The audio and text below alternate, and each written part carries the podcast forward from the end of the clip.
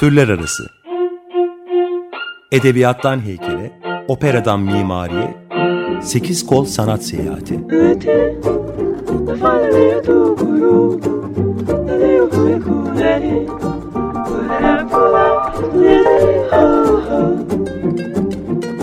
Hazırlayan ve sunan Eraslan Sağlam.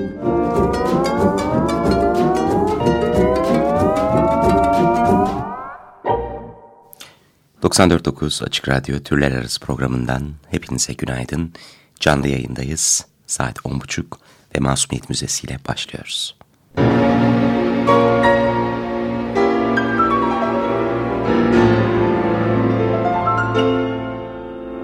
Açık Radyo'dan Orhan Pamuk'a 60. yaş hediyesi. Masumiyet Müzesi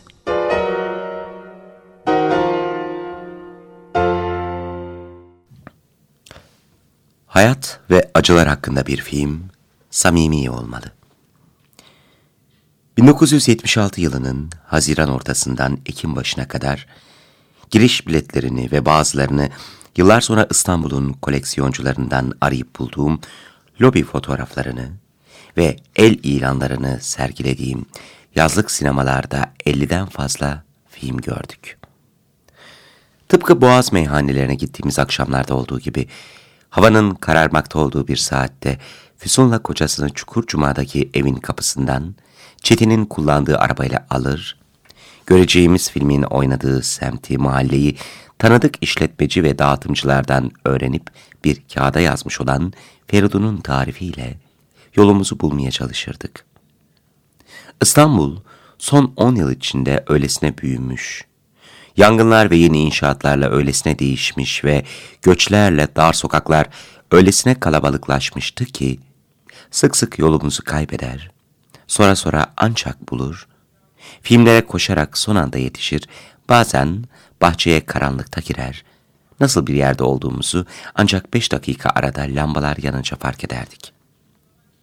Yıllar sonra, dut ve çınar ağaçları kesilerek üzerlerine apartmanlar dikilen, araba park yerine ya da yeşil plastik halılarla kaplı mini futbol sahalarına dönüştürülen bu büyük sinema bahçelerinin, kireçle badanalanmış duvarlar, imalathaneler, çökmekte olan ahşap konaklar ve iki üç katlı apartmanlarla ve sayısız balkon ve pencerelerle çevrilmiş bu hüzünlü mekanların kalabalığı her seferinde beni şaşırtırdı. Çoğu zaman seyretmekte olduğumuz melodramatik filmin e, kederleriyle sandalyelerde çekirdek yiyerek oturan binlerce kişinin kıpır kıpır hayatiyeti, bütün o kalabalık ailelerin, başörtülü annelerin, sürekli sigara tüttüren babaların, gazoz içen çocukların ve bekar erkeklerin insanlığı, filmin anlattığı şeyle kafamda birbirine karışırdı. Şarkıları ve filmleri, plakları ve afişleriyle o günlerde bütün Türk milletinin hayatına girmekte olan yerli filmlerin ve müziğin kralı Orhan Gencebay'la ilk defa işte böyle koskocaman bir açık hava sinemasının perdesinde karşılaştım. Pendik'le Kartal arasındaki yeni gece kondu mahallelerinin arkasında Marmara'ya, ışıl ışıl adalara ve duvarlarına çeşitli sol sloganlar yazılmış imalathaneler, fabrikalara bakan bir tepedeydik. Bütün çevremizi bembeyaz bir kireç rengine boyayan Kartal'daki Yunus Çimento Fabrikası'nın yüksek bacalarından çıkan pamuk gibi dumanlar, gecenin içinde daha da beyaz gözüküyor ve kireç parçaları film seyredenlerin üzerine masaldan çıkma bir kar gibi yağıyordu. Filmde Orhan Gencebay, Orhan adlı fakir bir genç balıkçıyı canlandırıyordu. Ona hamilik eden ve vefa duygusuyla bağlı olduğu zengin bir kötü adam vardı. Onun daha da rezil ve şımarık oğlu ve arkadaşları, daha ilk filmini çeviren Müjdear'a, biz de iyice görelim diye üstüne başına açarak acımasızca ve uzun uzun tecavüz ederlerken, sinema sessizleşti. Hamisi bunu emrettiği ve o da vefalı olduğu için Orhan olayı örtbas etmek zorunda kalıyor ve müjdeyle evleniyordu. Bu sırada Gencebay, batsın bu dünya diyerek, onu bütün Türkiye'de meşhur eden şarkıyı acı ve öfkeyle bir kere daha söylüyordu. Filmin aşırı duygulu anlarında sandalyelerde oturan yüzlerce kişinin çekirdek çıtlatarak oluşturduğu hışırtıyı ilk anlarda yakınlardaki bir fabrikadan gelen makine uğultusu sanmıştım. Dinliyor ve hepimiz sanki uzun zamandan beri birikmiş acılarımızla baş başa kalıyorduk. Ama filmin havası, eğlenmeye gelmiş kalabalığın kıpırtısı, erkekler kısmının ön sıralarında oturan neşeli gençlerin hazır cevap şakaları ve tabii ki hikayedeki inanılmazlıklar beni kendimi koy vermekten ve bastırılmış korkularımın tadını çıkarmaktan alıkoyuyordu. Ama Orhan Gencebay, her şey karanlık, nerede insanlık diye öfkelenirken, ben ağaçlar ve yıldızlar arasındaki o sinemada Füsun'un yanında oturmaktan çok memnundum.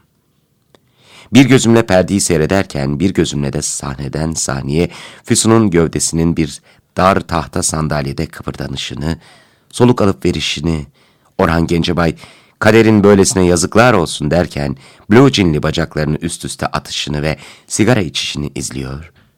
Onun perdedeki duygusallığı ne kadar paylaştığını tahmin etmeye çalışarak zevk alıyordum. Müjdeyle evlenmek zorunda kalan Orhan'ın öfkeli şarkısı isyankar bir havaya bürününce bir an yarı duygusal yarı alaycı bir bakışla Füsun'a dönüp gülümsedim. Filme öylesine kapılmıştı ki dönüp bana bakmadı bile. Balıkçı Orhan karısı ırzına geçilmiş biri olduğu için onunla sevişmiyor, ona uzak duruyordu. Orhan'la evliliğinin acılarını dindirmediğini anlayınca Müjde intihara teşebbüs ediyor, Orhan onu hastaneye yetiştirip kurtarıyordu. Hastaneden dönüşte karısına koluna girmesini söyleyince Müjde filmin bu en dokunaklı yerinde benden utanıyor musun diye soruyordu ona. O zaman içimde kalmış, saklı kalmış acının en sonunda kıpırdandığını hissettim. Sinemadaki kalabalıkta tamamen sessizleşmiş, bunun ırzına geçilmiş, bekaretini kaybetmiş bir kızla evlenmenin, onunla kol kola yürümenin utancı olduğunu hemen anlamıştı. Ben de içimde bir utanç, hatta bir kızgınlık hissettim. Bekaret ve namus konusunun bu kadar açık bir şekilde konuşulmasının utancı mıydı bu? Yoksa bunu Füsun'la birlikte izliyor olmanın utancı mı? Bir yandan bunu düşünüyor, bir yandan yanımda oturan Füsun'un sandalyesinde kıpırdandığını hissediyordum. Daha sonra annelerinin kucaklarında film seyreden çocuklar uyuyakalınca ve ön sıradan perdedeki kahramanlara sürekli laf yetiştiren öfkeli sessizliğe bürününce Füsun'un hemen yanı başımda duran ve sandalyenin arkasına attığı kolunu tutmayı çok istedim. İkinci film içimdeki utancı, bütün ülkenin ve gökteki yıldızların asıl derdine, aşk acısına dönüştürdü. Bu sefer Orhan Gencebay'ın karşısında esmer ve tatlı Perihan Savaş vardı. Gencebay inanılmaz acılar karşısında öfkelenmiyor. Hepimizin içine işleyen daha güçlü bir silaha. Alçak gönüllülüğe ve çilekeşliğe gururla sarılıyor ve müze gezerlerin severek dinleyecekleri bir şarkıyla tutumunu ve filmi özetliyordu. Bir zamanlar benim sevgilimdin. Yanımdayken bile hasretimdin. Şimdi başka bir aşk buldun. Mutluluk senin olsun. Dertler benim, çile benim. Hayat senin, senin olsun. Seyirciler vakit ilerledi. Kucaklardaki çocuklar uyuyakaldı. Gazoz içip leblebi savaşı yapanlar yoruldu. Ön sıralardaki şamatıcılar da suskunlaştığı için mi acaba filmi daha büyük bir sessizlikle izliyorlardı. Yoksa Orhan Gencebay'ın aşk acısını fedakarlığa çevirmesini saygıyla karşıladıkları için mi? Ben de aynı şeyi yapabilir, kendimi daha fazla rezil ve mutsuz etmeden yalnızca Füsun'un mutluluğunu isteyerek yaşayabilir miydim? Onun bir Türk filminde oynaması için gerekenleri yapıp rahatlayabilir miydim? Füsun'un kolu bana yakın değildi artık. Orhan Gencebay'ın sevgilisine mutluluk senin hatıralar benim olsun demesine ön sıralardan biri enayi diye bağırdı. Ama pek az kişi gülüp onay verdi. Hepimiz sessizdik. Yenilgiyi efendice kabul etmenin bütün milletin en iyi öğrendiği öğrenmek istediği bilgelik ve hüner olduğunu o sırada düşündüm. Belki de film bir boğaz yalısında çekildiği ve ben de geçen yazın ve sonbaharın hatıralarını uyandırdığı için bir ara boğazım düğümlendi. Dragos açıklarında, ışıltılı bir beyaz gemi adalarda yazı geçiren mutlu insanların pırıl pırıl ışıklarına doğru ağır ağır ilerliyordu. Bir sigara yakıp bacak bacak üstüne attım. Alemin güzelliğine şaşarak yıldızları seyrettim. Bütün kabalığına rağmen bu filmde duygulanmamı sağlayan şeyin gecenin ilerleyen saatlerinde sessizliğe bürünen seyircilerin varlığı olduğunu hissettim. Evde tek başına televizyon karşısında bu film içime bu kadar işlemez, annemle oturup sonuna kadar izleyemezdim. Füsun'un yanında otururken seyircilerle aramda bir kardeşlik duygusu olduğunu anlıyordum. Film bitip ışıklar yanınca, kucaklarda uyuyan çocuklarını taşıyan annelerin, babaların sessizliğine katıldık. Dönüş yolunda bile hiç bozmadık onu. Füsun arka koltukta başını kocasının göğsüne dayayıp uyuyakalınca, pencerelerden akan karanlık sokakları, imalathaneleri, gece konduları duvarlara sol sloganlar yazan gençleri, karanlıkta daha da ihtiyar gözüken ağaçları, başıboş köpek çetelerini ve kapanmakta olan çay bahçelerini seyrederek sigara içtim. Ve gördüğümüz filmlerin bilinmesi gereken püf noktalarını tam bir yer iyimserlikle fısıldar gibi anlatan Feridun'a dönüp hiç bakmadım.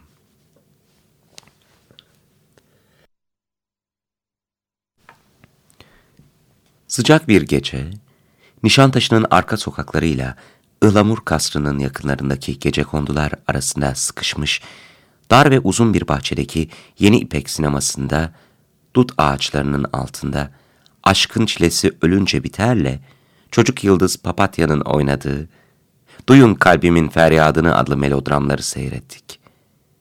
İki film arasında ellerimizde şişeler gazozlarımızı içerken, Feridun birinci filmde namussuz muhasebeci rolünü oynayan kaytan bıyıklı bıçkının arkadaşı olduğunu, bizim çekeceğimiz filmde de benzer bir rolü oynamaya hazır olduğunu söyleyince, Yeşilçam filmleri alemine sırf Füsun'a yakın olmak için girmenin benim için çok zor olacağını anladım.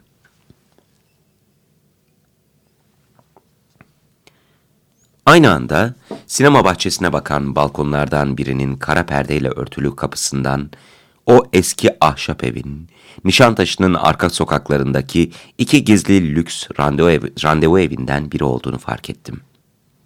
Yaz geceleri içeride kızlarla sevişen zengin beyefendilerin aşk haykırışlarına, film müziklerinin, kılıç şakırtılarının ve melodramlarda kör gözleri açılınca görüyorum, görüyorum diye bağıran oyuncuların haykırışlarının karışması kızlar arasında şaka konusu olur, olurdu. Bir zamanlar ünlü bir Yahudi tüccarın evinin salonu olan müşteri bekleme odasındaki mini etekli şakacı kızlar canları sıkılınca yukarı çıkıp arkadaki boş odalardan birinin balkonundan film seyrederlerdi. Şehzade başındaki küçük yıldız bahçesi sinemasının üç yanını tıpkı La Scala'daki localar gibi çevreleyen ve tıklım tıklım dolu olan balkonları biz seyircilere o kadar yakındı ki. Aşkım ve Gururum adlı aile filminde zengin baba oğlunu azarladıktan o tezgahtar parçasıyla evlenirsen seni mirasımdan mahrum et, bırakır ve evlatlıktan reddederim. Az sonra balkonlardan birinde çıkan kavganın gürültüsünü bazılarımız filmdeki kavgayla karıştırmıştı. Karagümrük'teki kışlık çiçek sinemasının hemen bitişindeki yazlık yaz çiçek sinema bahçesinde ise senaryosunu damat Feridun Bey'in kaleme aldığı ve bize Zaviye de Montepi'nin Ekmekçi Kadın adlı romanının yeni bir uyarlaması olduğunu söylediği Simitçi Teyze adlı filmi seyrettik.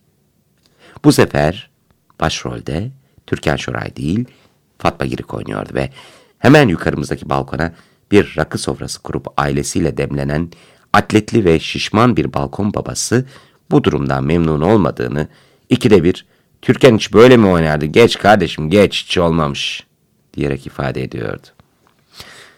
Balkon Babası filmi dün akşam da seyrettiği için olacakları önceden bağıra bağıra bütün sinemaya aşağılayıcı bir dille ilan etti. şşt usta seyredelim diyen seyircilerle balkonundan ağız alışına girip filmi daha da aşağıladı. Füsun bütün bunların kocasını üzdüğünü düşünerek Feridun'a sokulunca içim yandı. Dönüş yolunda Füsun'un arka koltukta uyuklarken ya da arabadaki sohbete laf yetiştirirken başını kocasının omzuna ya da göbeğine koyuşuna, onun eline sarılışına gözüm takılsın istemezdim.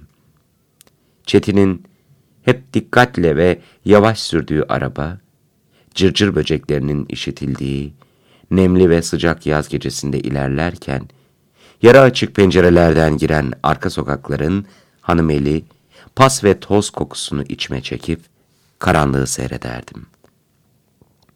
Ama film seyrederken karı kocanın birbirlerine sokulduklarını hissettiğimde, mesela Bakırköy'deki İncirli sinemasında Amerikan filmlerinden ve İstanbul sokaklarından mülhem iki polisiye seyrederken olduğu gibi içim birden kararı verdi.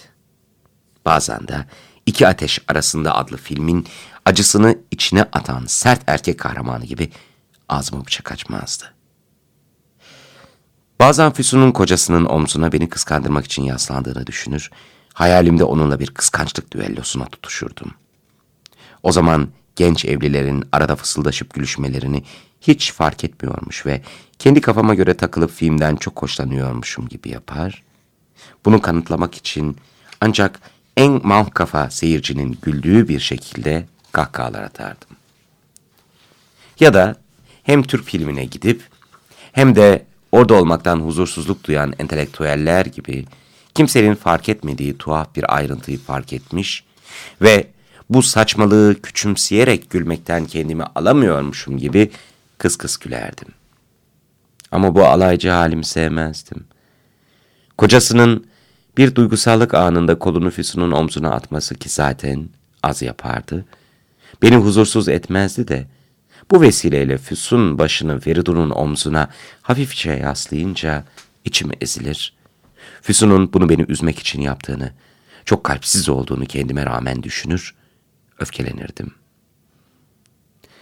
Ağustos'un sonunda Balkanlardan güneye, Afrika'ya giden leylek sürülerinden ilk kafilenin, geçen yıl bu vakitte Sibel'le bir yaz sonu partisi verdiğimiz aklıma bile gelmemişti. İstanbul'un üzerinden geçişinden sonraki serin ve yağmurlu günlerin birinde Beşiktaş'ta çarşı içinde kamburun yeri olarak bilinen büyük bahçede yumurcak sineması yazlığı fakir bir kız sevdim seyrederken hemen yanı başımdaki Füsun'un kucağında duran kazağın altında karı kocanın el ele tutuştuklarını hissettim.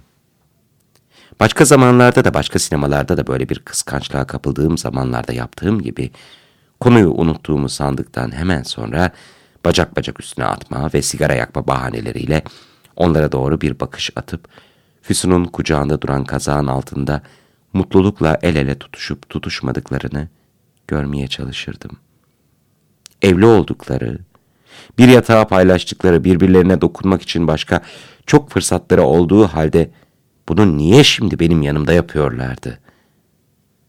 Kıskançlıktan keyfim kaçınca yalnız perdedeki film değil, haftalardır gördüğümüz bütün o filmler ahlaksızca, kötü, budalaca, sığ ve gerçek dünyadan acınacak kadar da uzak gözükürdü bana.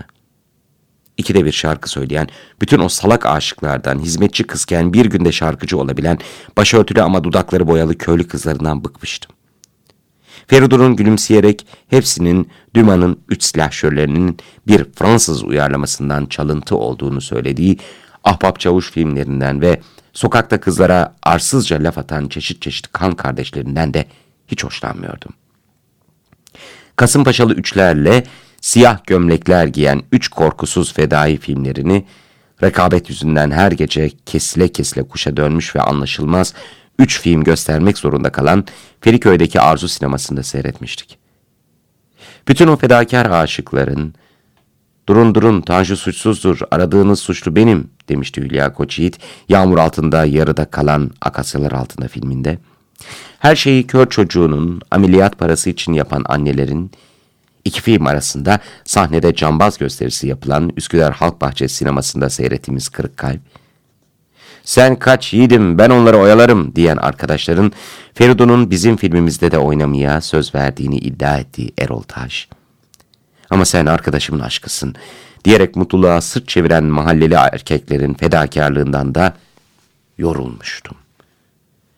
Bu keder ve umutsuzluk anlarımda ben bir fakir tezgahtar kızım, sizse çok zengin bir fabrikatörün oğlusunuz diyen kızlar, hatta aşk acılarını içlerine atıp sevgililerini uzak akrabayı görme bahanesiyle şoförlü arabalarıyla ziyarete giden kederli erkekler bile etkilemezdi beni.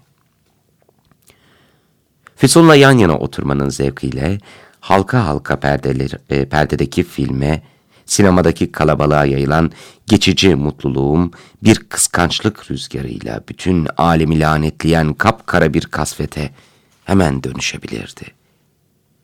Ama bazen de sihirli bir anda bütün dünyam ışıl ışıl aydınlanırdı. İkide bir kör olan kahramanların sefil dünyasının karanlığı ruhuma iyice sinmişken bir an kolum kolunun kadife teline değer, bu çarpışmanın verdiği harika tadı kaybetmemek için kolunu hiç kıpırdatmaz. Filmi anlamadan seyrederken onun da kolunu hiç kıpırda, kıpırdatmadan tenini benim tenimin dokunuşuna bıraktığını hisseder. Mutluluktan bayılacağımı sanırdım. Yaz sonunda Arnavutköy e, Çam Park sinemasında şımarık bir zengin kızıyla onu yola getiren şoförün maceralarını Küçük Hanımefendi filminde izlerken kollarımız gene birbirine böyle deyip yapıştı ve teninin alevi benim tenimi alevlendirince gövdem hiç beklenmedik bir tepki verdi. Bir süre vücudumun edepsizliğine hiç aldırmadan onun tenine değmenin baş döndürücü tatlarına kendimi bırakmıştım ki birden ışıklar yandı ve beş dakikalık ara başladı. Utanç verici heyecanımı gizlemek için lacivert kazağımı kucağıma koydum. Gazoz alalım mı? dedi Füsun. Film aralarında gazoz, çekirdek almaya çoğu zaman kocasıyla giderdi. Olur ama bir dakikacık bekle dedim. Bir şey düşünüyorum. Vücudumun bu edepsizliğini lise yıllarında sınıf arkadaşlarımdan gizlemek için yaptığım gibi anneannemin ölümünü düşündüm. Çocukluğumun gerçek ve hayali cenaze törenlerini, babamın beni azarlamasını, kendi cenazemin, mezarımın karanlık olacağını ve gözümün toprakla dolacağını hızla gözlerimin önünden geçirdim.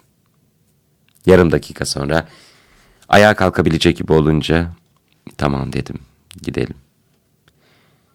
Birlikte yürürken boynunun uzunluğunu, gövdesinin dikliğini sanki ilk defa fark ettim. Aileler, sandalyeler, koşuşturan çocuklar arasında başkalarının bakışlarından utanmadan onunla yürümek ne güzeldi. Sinemadaki kalabalığın ona bakması hoşuma gidiyor. Bizi bir çift, bir karı koca sandıklarını hayal etmekten mutluluk duyuyordum. Onun için çektiğim bütün acıların o kısacık yürüyüşe değdiğine, o yürüyüşün hayatımın olağanüstü mutlu özel anlarından biri olduğuna, o sırada o mutluluk anını yaşarken hemen karar vermiştim. Gazoz satıcısının önünde her zamanki gibi bir kuyruk değil, hepsi aynı anda bağırarak gazoz isteyen yetişkinlerden ve çocuklardan bir kalabalık birikmişti.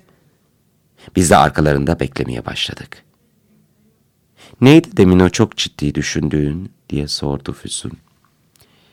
Filmi sevdim dedim. Eskiden gülüp geçtiğim, ilgilenmediğim bütün bu filmleri neden o kadar severek seyrediyorum diye düşünüyordum. Sanki o an kafamı toparlasaydım bunun cevabını verebilecektim. Gerçekten beğeniyor musun bu filmleri? Yoksa bizimle sinemalara gelmek için mi öyle diyorsun? Katiyen öyle değil. Çok mutlu oluyorum.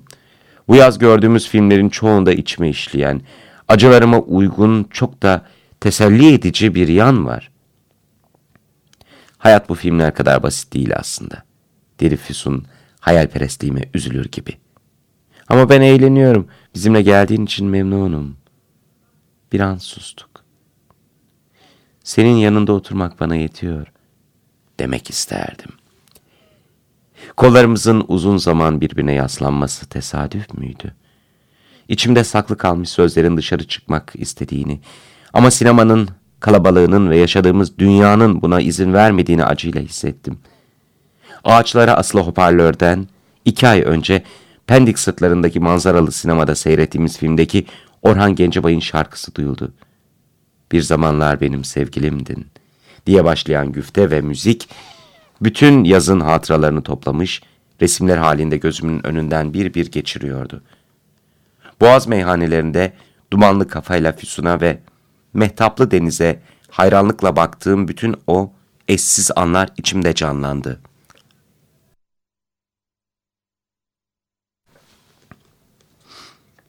Çok mutluydum bu yaz dedim. Bu filmler beni terbiye etti. Hayatta önemli olan zengin olmak değil aslında. Ne yazık ki acılar, çile değil mi? Hayat ve acılar hakkında bir film dedi, yüzünde bir gölge gördüğüm güzelim, samimi olmalı. İtişerek birbirlerine gazoz fışkırtan çocuklardan biri ona doğru sert bir hamle yapınca Füsun'u belinden tuttum kendime çektim. Üzerine biraz gazoz fışkırmıştı. Şol eşekler sizi dedi bir amca ve çocuklardan birinin ensesine bir şaplak indirdi. Onay bekleyen bir bakışla bize döndü ve gözü Füsun'un belinin üzerinde duran elime takıldı. Sinema bahçesinde birbirimize yalnızca fiziksel olarak değil, ruhen de ne kadar yakındık. Füsun beni bakışlarımdan korkarak uzaklaşmış, çocukların arasına girip çamaşır leğeninin içine yatırılmış gazoz şişelerine uzanmış, kalbimi kırmıştı bile. Bir gazoz da Çetin Efendi'ye alalım dedi Füsun. İki gazoz açtırdı. Parayı ödedim. Filmlerde bizimle birlikte aile kısmında değil, tek başına bekar erkekler kısmında oturan Çetin Efendi'ye gazozunu götürdüm. Zahmet ettiniz Kemal Bey dedi gülümseyerek. Geri döndüğümde bir çocuğun şişeden gazoz içen Füsun'a hayranlıkla baktığını gördüm. Çocuk bir cesaret yanımıza geldi. Abla siz artist misiniz? Hayır. Bu sorunun o yıllarda makyajlı, bakımlı ve biraz açık giyimli ama çok da yukarı sınıftan olmayan bir kıza yaklaşmanın, ona çok güzelsiniz demenin çapkınlar arasında artık bugün unutulmuş bir yolu olduğunu hatırlatayım. Ama 10 yaşlarındaki çocuk bu ikinci anlamla ilgili değildi hiç. Israr etti. Ama ben sizi bir filmde gördüm. Hangisinde? dedi Füsun. Sonbahar kelebeklerinde bu elbiseyi giymiştiniz ya. Ne rolündeydim dedi Füsun hayalden hoşlanıp gülümseyerek. Ama çocuk yanıldığını anlayıp susmuştu. Kocama sorayım şimdi. Bütün filmleri bilir o. Kocam deyişi, sandalyelerde oturan kalabalık içerisinde bakışlarıyla onu arayıp bulması, çocuğun benim Füsun'un kocası olmadığımı anlaması üzdü beni. Anlamışsınızdır.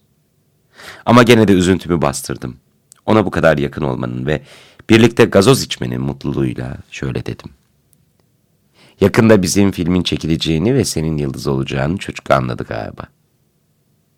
Yani sonunda hakikaten parayı vereceksin de bu filmi çekilecek mi? Kusura bakma Kemal abi Feridun utanıyor artık konuyu bile açmıyor. Ama bu senin oyalamalarından biz yorulduk artık. Sahi mi? Dedim ve kala kaldım.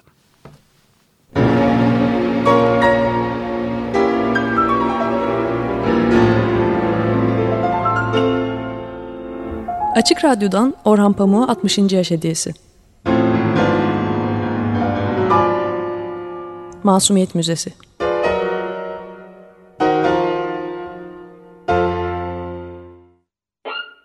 Türler Arası Edebiyattan heykele, operadan mimariye, sekiz kol sanat seyahati.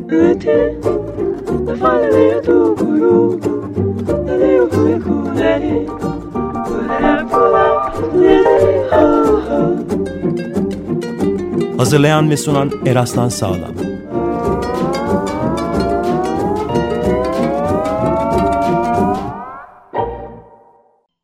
Açık Radyo program destekçisi olun. Bir veya daha fazla programa destek olmak için 212 alan koduyla 343 41 41